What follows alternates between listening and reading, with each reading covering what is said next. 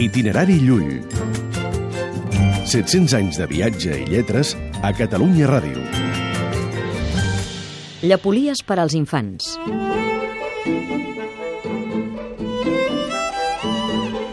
Els llibres de Llull són fonts d'informació sobre els aspectes més sorprenents.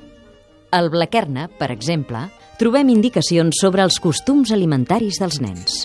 Un dia, a l'home donà a Blaquerna, quan havia d'anar a l'escola, com a desdejuni, carn rostida, i li donà un flaó que mengés a l'escola si tenia gana de menjar.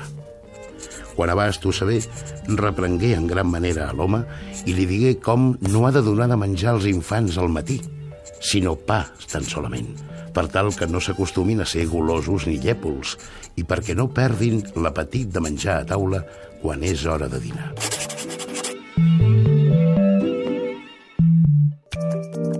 Itinerari Llull.